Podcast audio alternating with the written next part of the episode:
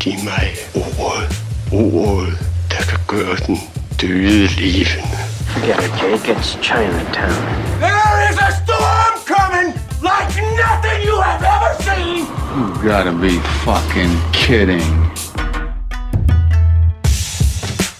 Du lytter til Ordets Filmpodcast. Din værter er Claus Nygaard Petersen og Karoline Ballstrøm. Hej Karoline. Hej Claus. Har du set nogle gode film på nylig? Det synes jeg, jeg har. Har du? Ja, jeg, jeg, jeg har siddet tudet i hvert fald til en. så det tager vi som, at jeg har set, i hvert fald set en god film, fordi når Claus græder, så er det næsten kun til gode film. Åh, oh, okay. Jamen, er det så ikke bare den, vi skal tage i dag? Så vi rigtig kan sidde og prikke i din sjæl med nogle pinde? Kom nu, sig nu ja. Øh, Det, det frivillig tortur, ja, hvorfor ikke? Fint. Jamen, så synes jeg, at øh, i dag skal handle om Shang-Chi and the Legend of the Ten Rings. Den nye øh, Marvel-film, som selvfølgelig passer perfekt ind i resten af Marvel-universet, fordi ham, Kevin Feige, han har trukket i trådene længe, og han har jo tænkt på alt. The Great Puppet Master. Ja. Det er næsten lidt for creepy, hvordan de kan få alting til at passe sammen. Om det så er elegant gjort i den her omgang eller ej, det skal vi i hvert fald lige få dykket ordentligt og godt og grundigt ned i. Men vi skal også først lige vende et par andre film, vi har set i biografen, før det hele går op i Marvel og hat og briller. Jamen, hvad har vi set af ting på det sidste, som var værd at fremhæve? Jeg vil godt starte med den, vi så tidligst af alle, som jeg ikke var særlig glad for. Free Guy. Ja, den kan du ikke lide. Nej, den kan jeg ikke lide, men det er også, fordi jeg har et efterhånden meget velkendt problem med Ryan Reynolds, som jeg synes bare er Ryan Reynolds i alt, hvad han laver, og jeg kan ikke lide den version af Ryan Reynolds. Det er ikke sjovt. Nå. Jeg kan godt lide Ryan Reynolds, og du har ret i, at altså, hvis man ikke kan lide Ryan Reynolds, eller at se Disney flexe sine rettigheder, så er Free Guy nok ikke lige det, man skal sætte sig selv ind til. Så jeg vil på en måde sige, at du var lidt selv udenom det. ja, ej, men altså, så må man lige kende sig selv lidt bedre. Jeg var fint nok underholdt. Den øh, handler om en computerspilskarakter, som langsomt begynder gennem artificial intelligence at udvikle rigtige følelser.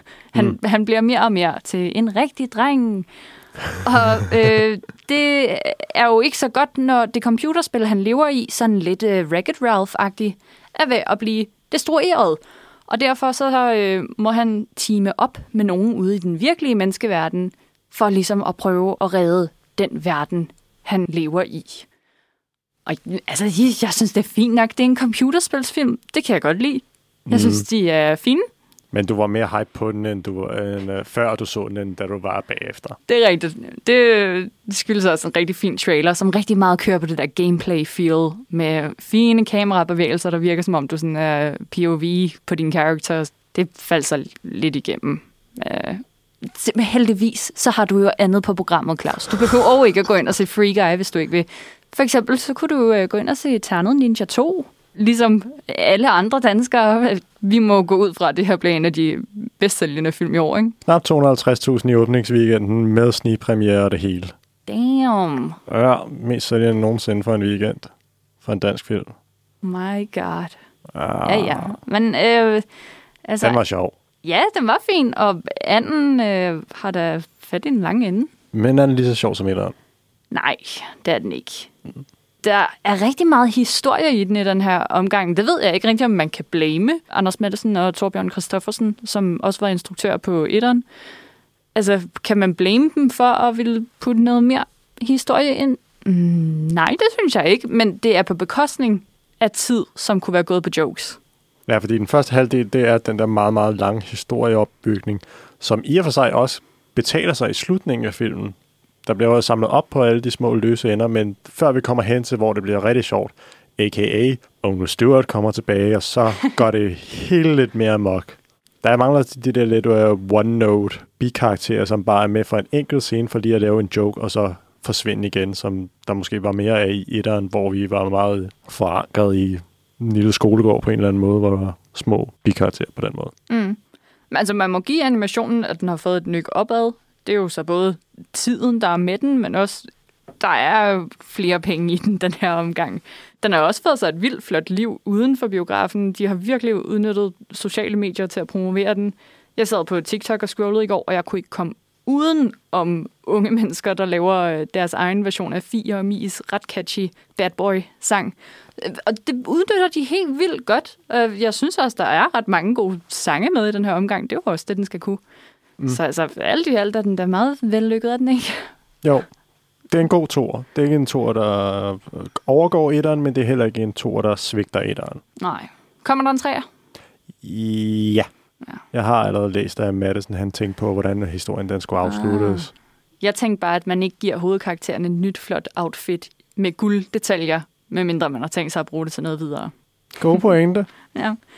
Apropos øh, flotte, flotte kostymer med Det var den. gulddetaljer. Det er den smukkeste overgang nogensinde. Tak, søster. Jeg prøvede lige at...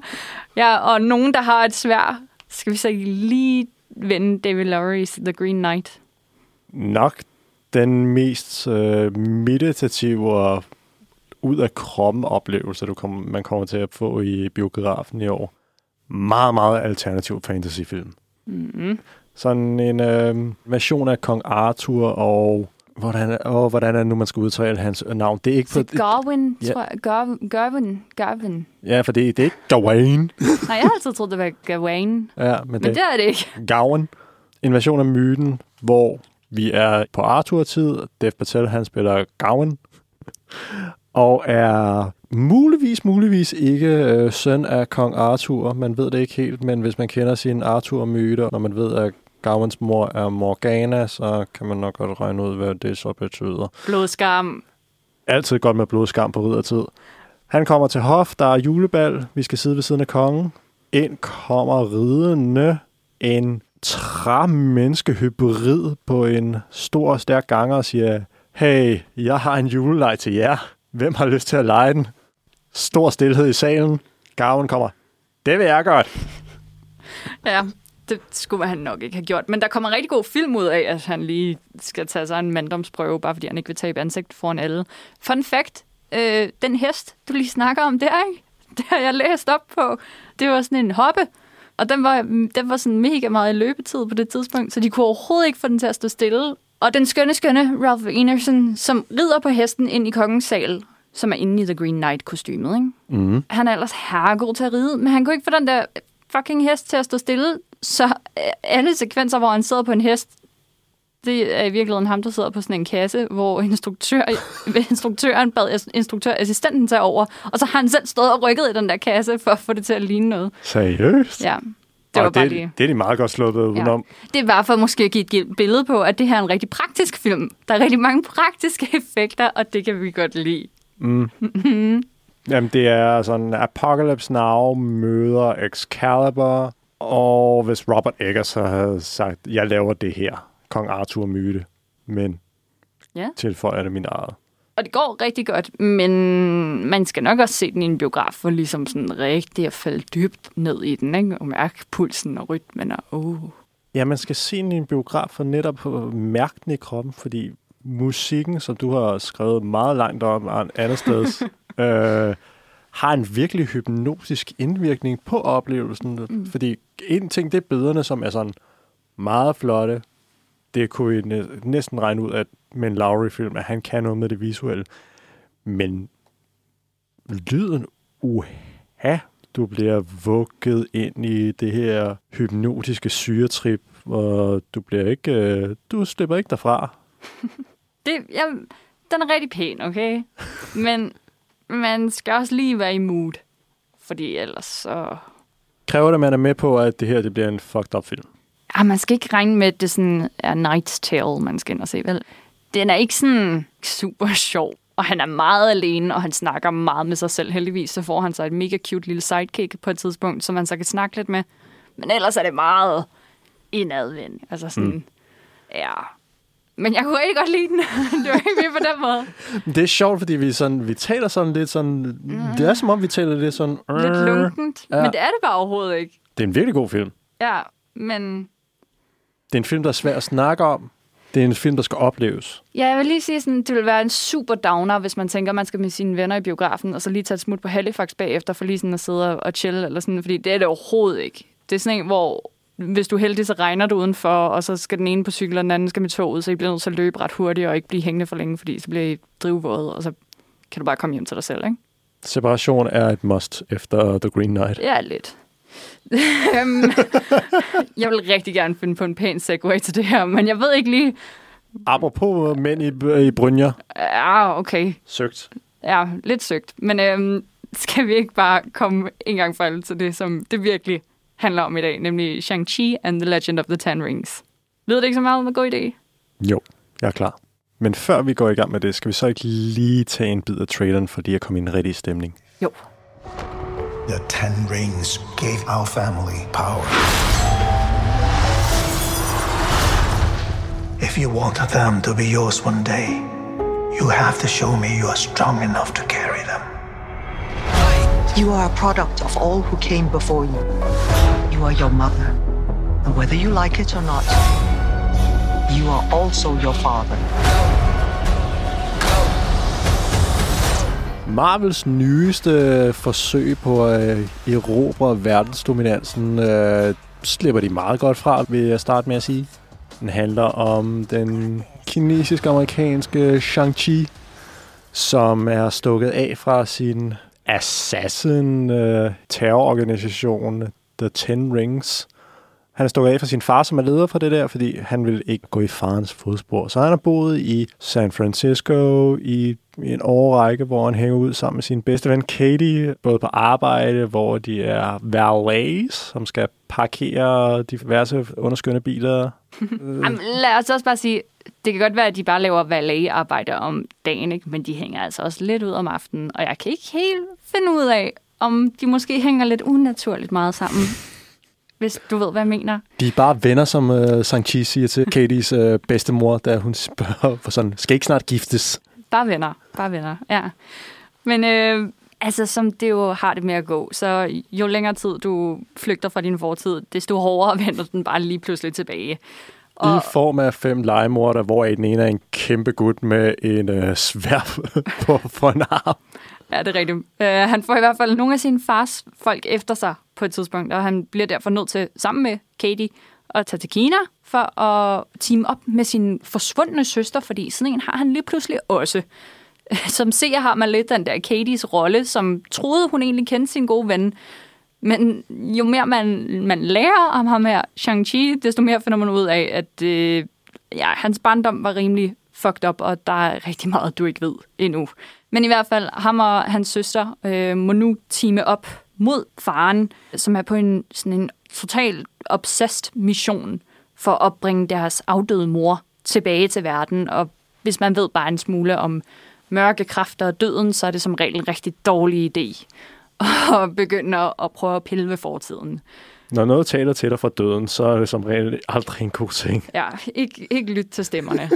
Men ham her faren, han er også en lidt speciel herre, som øh, har været ret længe på planeten Jorden faktisk, for han er udstyret med 10 meget specielle ringe, som han altid bærer på sig, som giver ham overnaturlige kræfter. Og de her 10 ringe er, som titlen lidt afslører, rimelig vigtige for øh, Shang-Chi og hans videre virke i Marvel-universet. Så både øh, skal vi lige have dealet med en far og et barndomstraume, vi skal få styr på hende der moren, der kalder fra døden, og så skal vi nok også lige få fat på de der 10 ringe der, ikke? Tilsat er det en god gang uh, wuxia-film og Shaw, alt godt fra kinesisk uh, filmdom fra 60'erne og 70'erne med uh, gloriøse kampscener, som man kender fra House of Daggers og Hero, hvor vi springer rundt i, uh, uh, hvad hedder det, wirework på dansk? Uh, wirework? Wirework. Ja, øhm, øh, linearbejde? Nej, det hedder sådan noget. Men folk har snore i sig, og de bliver hejset flot op. Ja, yeah. ja. og de kan lave sindssyge tricks. Ja. Åbningssekvensen er jo nok en af de smukkeste, jeg har set, hvor man ser, hvordan Wenwu, som deres far hedder, og deres mor, de møder hinanden for første gang i sådan en øh, nærmest wuxia kærlighedsdans, hvor de sådan prøver at kæmpe mod hinanden, men der er også sådan lidt Der er lidt uh, pardans over det, hvor de sådan Ja. lige kommer ind med sådan hænderne op omkring hovedet, sådan lige sådan stjålende blikke, og man kan se sådan, åh, Vi kæmper, men ikke rigtigt. ja, men det, det, det, det, det blev lidt varmt i hjertet. Og sådan. Ja. Men, men han bruger heller ikke, det virker ikke som om, han bruger ringenes fuld kræfter fuldt ud. Det, jeg føler godt, han kunne have lavet et eller andet voldsomt move, og så havde det været destruktivt. Men hun er også rimelig badass selv, fordi hun hører til fra en savnomspunden by, der hedder Tarlo, som vi kommer til senere i filmen, og den er magisk på mange måder, fordi vi er i kinesisk mytologi, og der er mange sjove og interessante væsener, som nu også bliver introduceret til Marvel-universet, som bare bliver ved med at udvide sig. Det er, det er en rimelig hæftig omgang. Der er i hvert fald ikke øh, sparet på de gode idéer til production design og kostymer. Du har ret, det er en meget, meget flot åbningssekvens, og der kommer mange af sådan nogle rimelig visuelt originale kampscener. Jeg tror især, jeg vil tage en med mig fra en bus helt, helt i starten, hvor øh, Aquafina, som spiller Katie, skal forsøge at holde den her bus kørende, imens farens fem legemordere kommer efter Shang-Chi. Og det der med sådan noget parkouragtigt øh, svøbe sig ind og ud af de der busmetalstolper og skulle prøve at holde sammen på bussen og redde de civile og selv slippe med livet i behold. Det synes jeg var super flot. Alt imens den selvfølgelig kører ned af San Franciscos meget stejle bakker uden bremser. Mm. Meget, meget pleasende sekvens. Ja. I Også- hele taget en meget pleasende film. Ja, det... Du er lidt mindre glad for den, end jeg Nej, men jeg, jeg synes egentlig, den, den var rigtig, rigtig fin, men jeg synes, vi kommer rigtig, rigtig bredt omkring. Og jeg synes, det er tough at starte med så smuk en øh, netop sådan House of Flying Daggers, øh, bambusskov. Kvinden står i sådan en flot lysegrøn kåbe, og faren kommer som den der lidt mørke skikkelse, og der er noget vand, der sprøjter, og ting i slow motion og alt sådan noget. Og så skal den også kunne rumme virkelig, virkelig flot eksekverede actionscener i San Francisco. Og så skal vi ud på en bygning, som vi har set det 100 gange før. I nat, neonlys, øh, glasbygning. Mm, Jeg synes måske, den er sådan lidt et stilråd. Øhm, fordi vi skal også forstå nogle forskellige former for magi nu. Der er også Dr. Stranges øh, højre hånd Wong. Øh, han kommer ligesom også ind et par gange, eller han har sådan en gennemgående cameo. Han besidder en anden form for magi, end de der 10 ringe har, og jeg, jeg synes, det er rigtig, rigtig mange indtryk, som stikker i hver sin retning. Og, og så skal vi også lige rumme den cameo fra Iron Man 3, der er Ben Kingsley, som i Iron Man 3 spillede rollen som en gut, der spiller rollen som terrorist mandarinen, som er leder af de 10 ringe i den film, Ja. men som er fake, fordi den rigtige leder, det er Shang-Chi's far. Ah. Og Shang-Chi's far, han er ikke helt glad for, at der var en eller anden, der andre udgav sig for at være ham. Så efter han havde været i fængsel, så river han lige den gode Trevor Slattery, som skuespilleren hedder, river han lige ham øh, ud af fængslet for at slå ham ihjel. Men han er så underholdende en skuespiller, at de bare beholder ham som sådan en slags hofner-agtig ting nede i fangekælderen, som bliver hævet op en gang imellem. Det var altså en god cameo. Ja, det er en god cameo, og den er super, super sjov.